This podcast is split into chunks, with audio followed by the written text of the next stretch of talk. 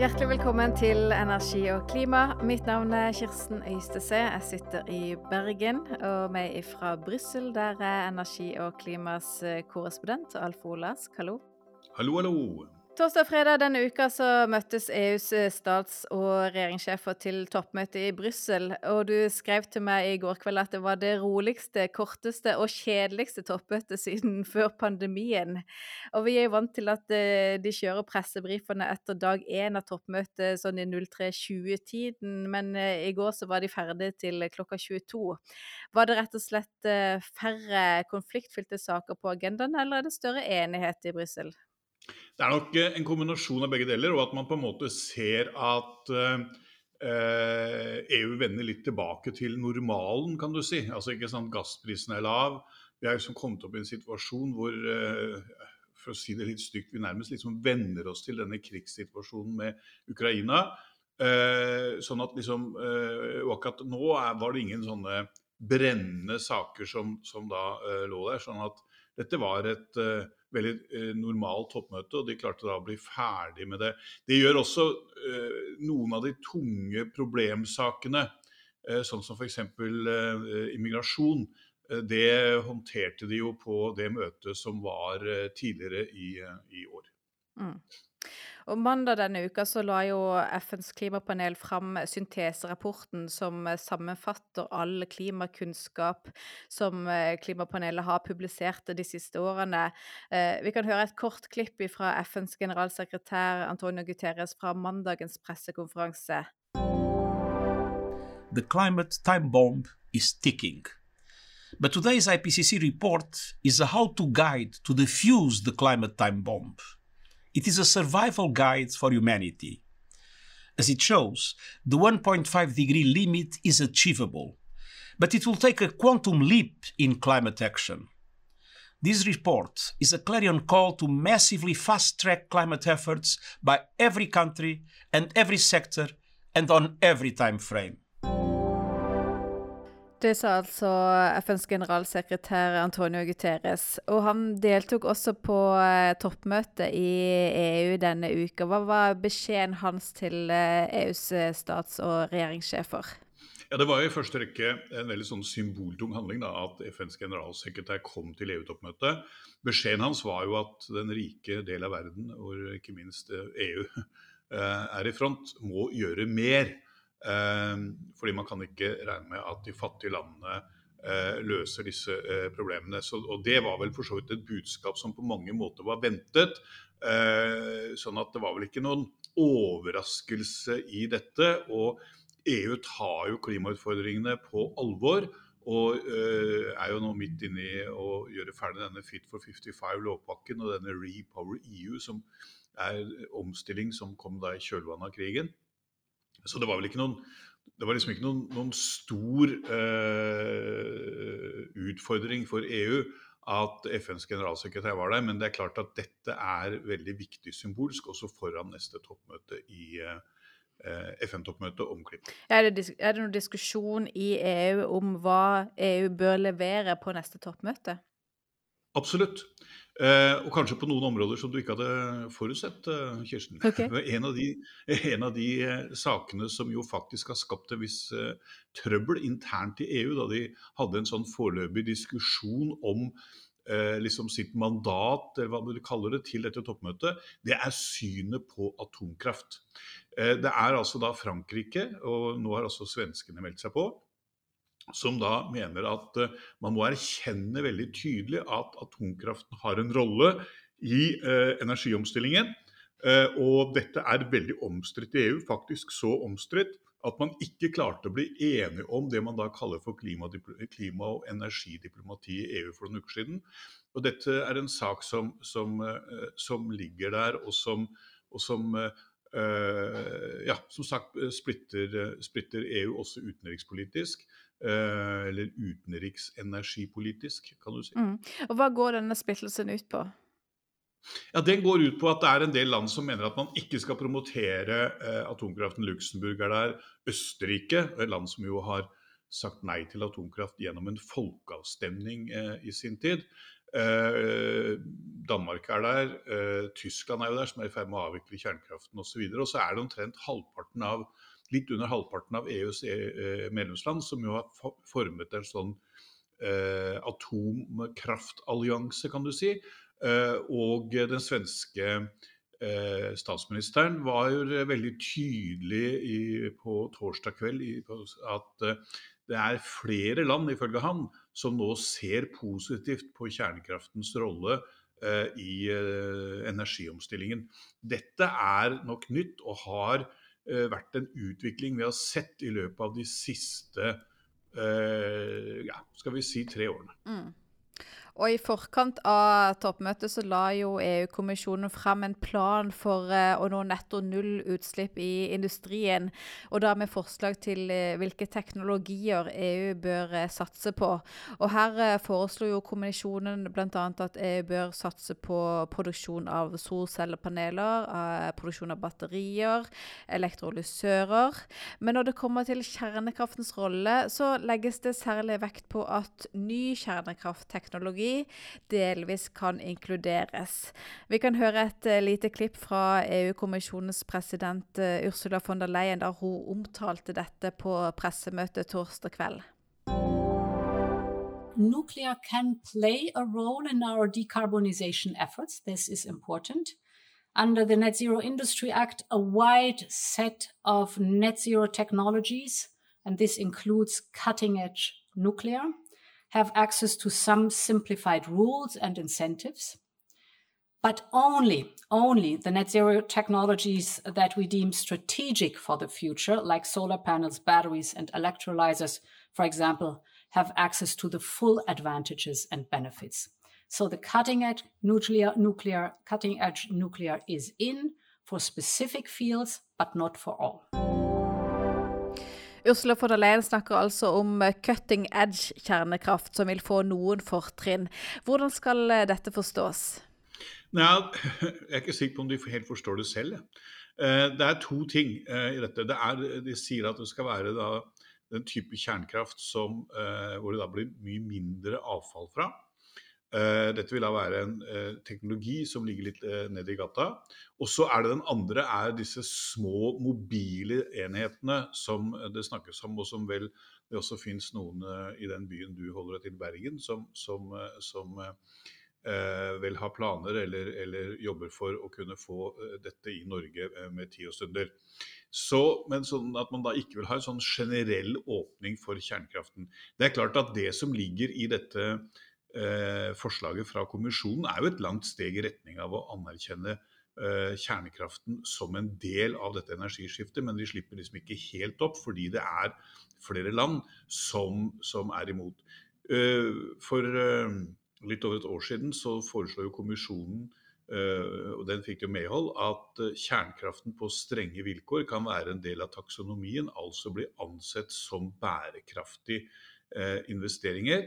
Dette er så omstridt at Østerrike mener at dette er i strid med det som er hensikten med taksonomien, og har stevnet både dette med atomkraft og dette at man på strenge vilkår kan slippe gasskraften inn i taksonomien, eh, for EU-domstolen. Så det bare viser at dette er saker som, eh, som er eh, omstridt eh, internt i, i, EU, men som eh, den svenske statsministeren sa seint i, i, går kveld, du kommer til å høre mye mer om kjernekraft fremover fra EU. Som Sverige sjøl er, er veldig tilhenger av å løfte fram? Ja, det er helt åpenbart eh, at hvis du ser på eh, no, også realiteten, men særlig ordbruken fra den nåværende svenske regjeringen sammenlignet med den sosialdemokratiske le eh, ledede regjeringen du hadde eh, inntil valget i, i fjor, så er det helt opplagt at man nå i Sverige eh, dytter på, på kjernekraften. Eh, så kommer en liten personlig betroelse. og det er at Den første jobben jeg gjorde som journalist utenfor Norges grenser, det var faktisk å dekke eh, kampen, eh, debatten, før folkeavstemningen om kjernekraft eh, i, i Sverige. Og det skal jeg fortelle deg, Kirsten, det var ikke i går. Og hvordan gikk det, husker du det? Jo, det, jo, jo, jo. Jeg er jo ikke blitt senil. Jeg husker hvordan det gikk.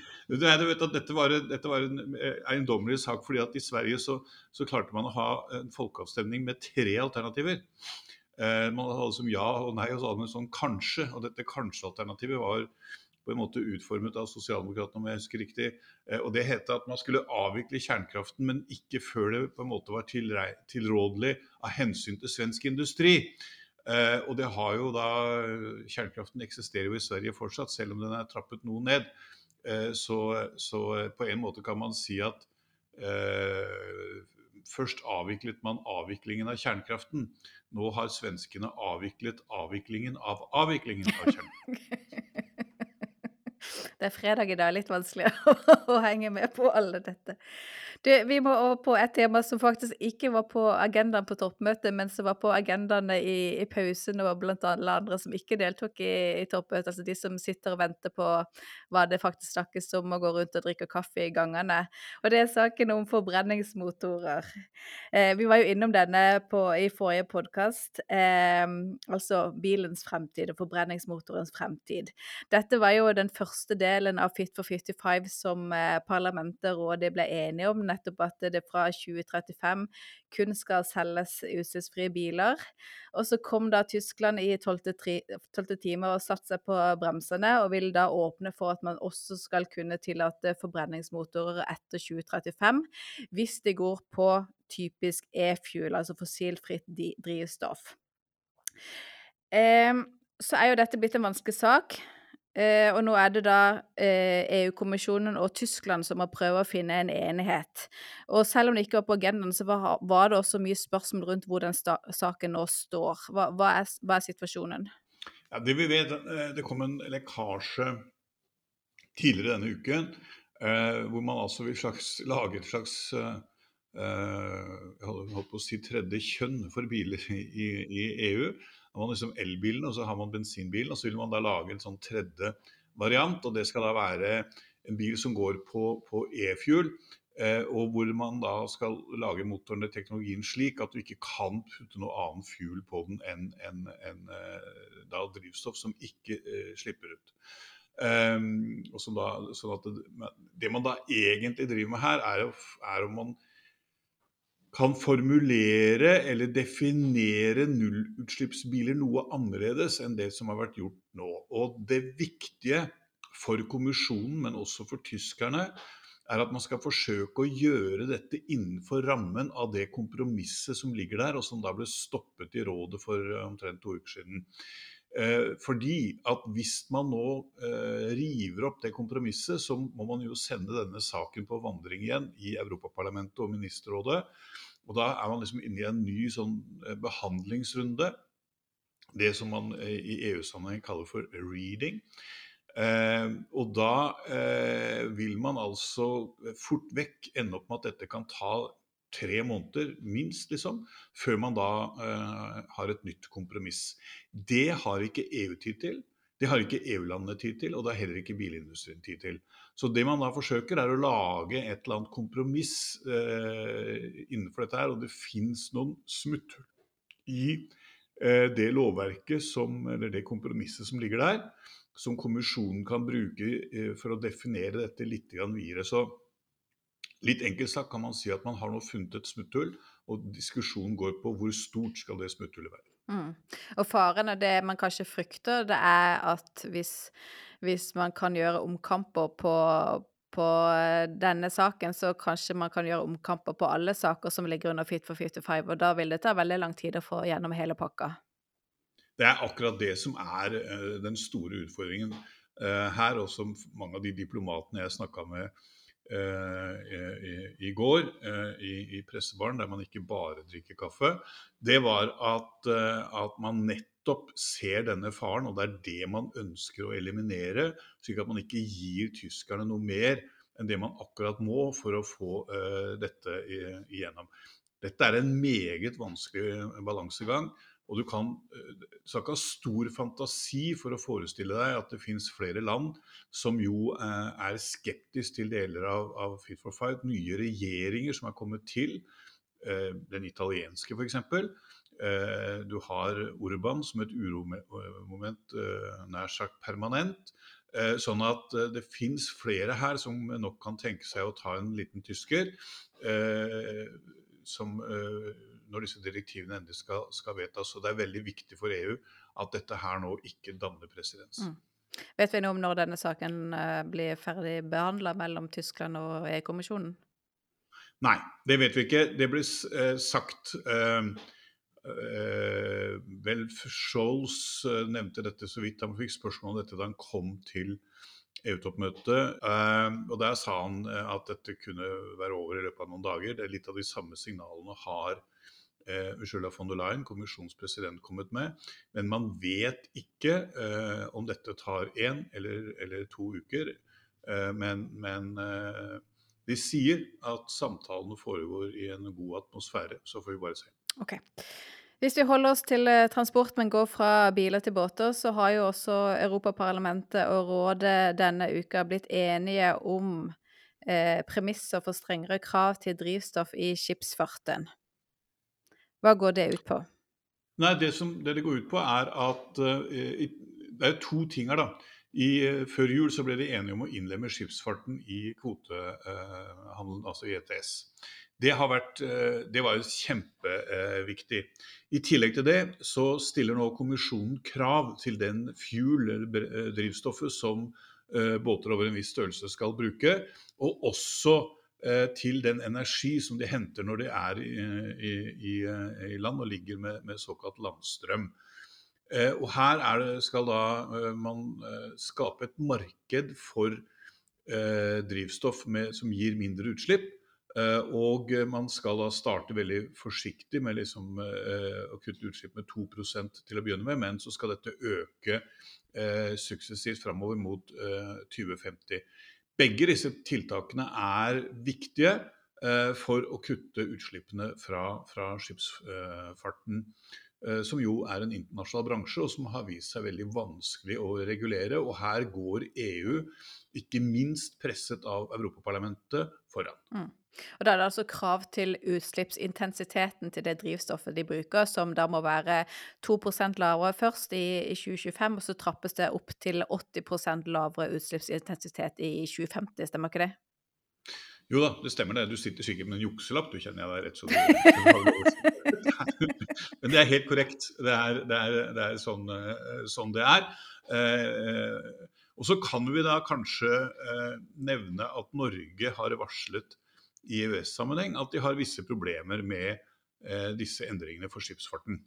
Eh, og det ser ikke så veldig pent ut, for å si det forsiktig.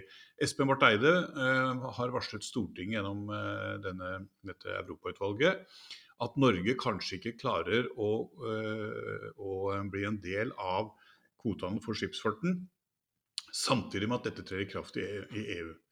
Det er slik at all skipsfart mellom, mellom EU og EØS-land i utgangspunktet da skal betale eller kjøpe kvoter som trappes opp. Og så vil også den internasjonale skipsfarten være omfattet av dette, men der vil da kvotekravet være bare halvparten. Det som kan skje hvis Norge da ikke blir med i dette fra dag én, det er at Norge dermed blir en frihavn for miljøsynderne eh, i, i, EU.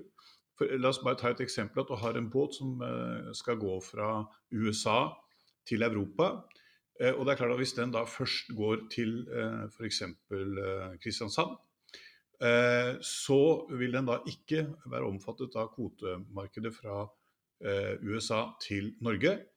Og den vil da bare betale 50% av det andre båter gjør mellom Norge og en havn i EU. Så dette er en, er en situasjon som, som, som kommer til å bli litt vanskelig for Norge. Og dette er den første vi ser av de problemene Norge kommer til å få med å svelge alle disse Fit for 55-direktivene, og så legger du Repower EU på toppen, så kommer dette til å bli en tsunami av lovgivning som treffer Stortinget i løpet av de kommende måneder. Uh, og det skal bli interessant å se om de og EFTA siden, hvor vi skal samordne dette med de såkalte NILS-landene, altså da Norge, Island og Liechtenstein. Eh, her kommer det til å være noen betydelige utfordringer eh, som det ikke virker som om myndighetene helt har tatt inn over seg. Det har ikke manglet på advarsler. Miljødirektoratet har advart mot at dette blir en saksbehandling som, som nok ikke står til gullstandard.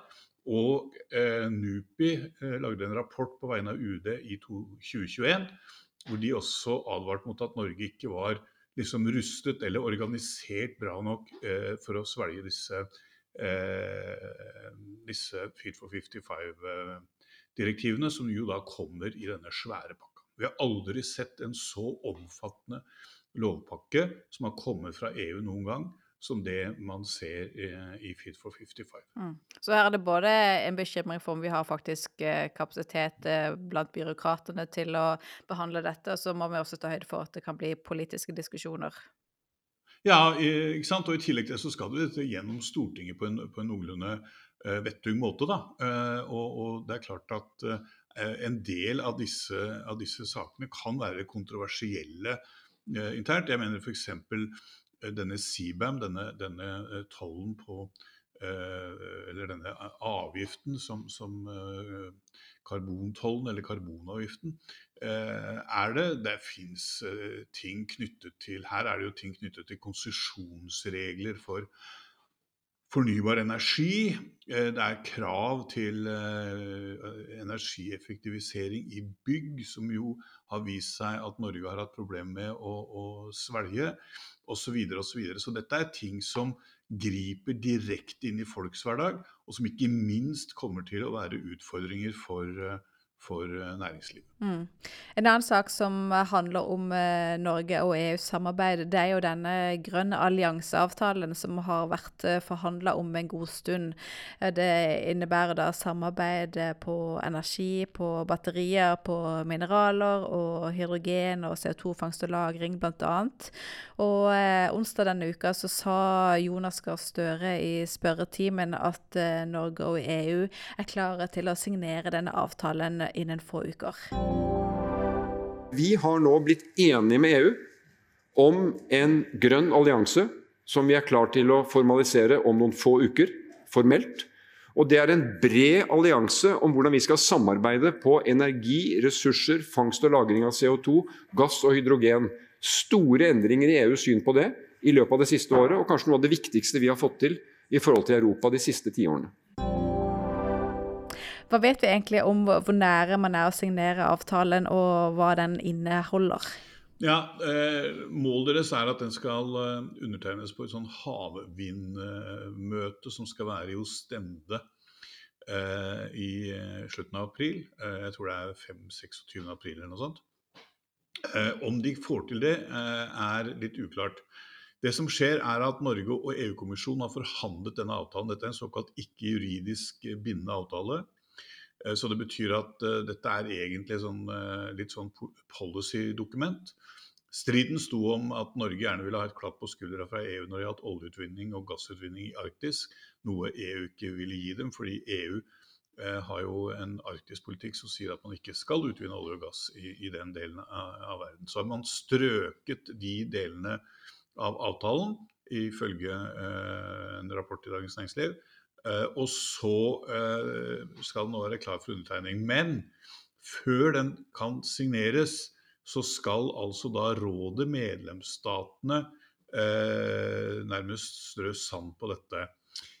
Det kan gå veldig kjapt og veldig greit, men det kan jo også tenkes at det er en del medlemsland som f.eks. har et lite horn i sida til Norge etter denne perioden med særdeles høye gasspriser, eller sånn som Ungarn, som har blokkert fellesuttalelser fra uh, fellesmøtet mellom EU og, og EFTA-siden innenfor EØS-rammen, uh, f.eks. Nå uh, flere ganger. Uh, har jo, man har jo stanset utbetalinger til Ungarn i, innenfor disse EØS-kontingenten, kan du si. Disse støtteordningene hvor vi betaler penger inn til ulike gode formål i, i EU-land. Eh, så det er, eh, det er noen mulige eh, hindringer i, i, på denne veien. Så det er ikke sikkert at avtalen undertegnes. Undertegningen skulle ha skjedd under COP27 uh, i fjor høst. Og da sa man også at det var bare litt technicality som sto igjen. Og det har vist seg at det nå et halvt år etter så ser det ut som man da har løst det som nok var mer enn technicalities, men som var reelle politisk uenighet om hva denne avtalen skal inneholde. Så er det ikke bare den avtalen, det ligger en annen avtale der også, mer sånn grønt industrisamarbeid som eh, næringsminister eh, Vestre har eh, fremforhandlet, som da også skal signeres. Og Det er også en slik avtale. Den har jo vi i Energi og klima blåst, for å si det sånn. Og den er heller ikke et spesielt konkret dokument. Men dette er da eh, noen muligheter for samarbeid, hvor det da må bygges videre i den praktiske hverdag, hvor næringslivet må inn, bedriftene må inn, eh, og se om de kan gjøre seg nytte av dette. Du kan jo tapetsere hele Karl Johan bare med forsiden på sånne ulike eh, mer eller mindre løse politiske avtaler som aldri har, har fått noen, noen virkning. Så det gjenstår å se. Men det er klart at i det grønne skiftet så kan dette her være en en døråpner. Det kan være noe å bygge videre på for, for, Norge og for EU. Og det er klart, det sa jo von der Leyen var på Trollplattformen nylig, at i overskuelig framtid kommer Norge til å være en, en veldig viktig leverandør av energi til, til EU. Mm. Til slutt, hva er det viktigste som er nå på agendaen på denne siden av påske? Ja, på denne siden Nei, nå er det jo, nå er det jo påske nå snart. så det er ikke, jeg tror ikke de får, de får ikke gjort så mye galt eller riktig for så vidt eh, framover. Men det, det, det, som er, det, som er, viktig nå, er, er, jo å få på plass de siste delene av denne eh, Fit for 55 og denne Repower EU-pakka. Og så starter jo nå eh, ikke minst da EUs eh, ministerråd og parlamentet diskusjonen om denne, dette markedsdesign for strømmarkedet, altså denne reformen som skal gjøre at man skal dempe de store prisutslagene i strømmarkedet og forsøke å sørge for at ikke gassprisen på samme måte som i fjor driver eh, strømprisen eh, tvers. Eh, dette, det det er lagt fram, er en liten eh, reform Ehm, og hele målet med, og en av grunnene til at den ikke er så omfattende, er nettopp at man ønsker å få den vedtatt så raskt som mulig, slik at den kan begynne å virke allerede fra nyttår. Om de klarer det, det gjenstår å, å, å, å se. Men dette kan bli viktig rett og slett for, for, tilliten til EU, og for at de kan klare å holde strømprisen eh, relativt eh, lav. Eh, utover høsten i år og, og neste vinter. Mm. Den har vi jo vært eh, innom flere ganger, og vi kommer helt sikkert tilbake igjen til den også i senere podkaster. Det, det eh, vil ikke forundre meg. Nei. Fint. Takk for oppdateringene fra Brussel, Alf Ole. Vær så god. Og takk også til du som lytter på. Energi og klima er tilbake med en ny podkastepisode neste uke. Takk for i dag.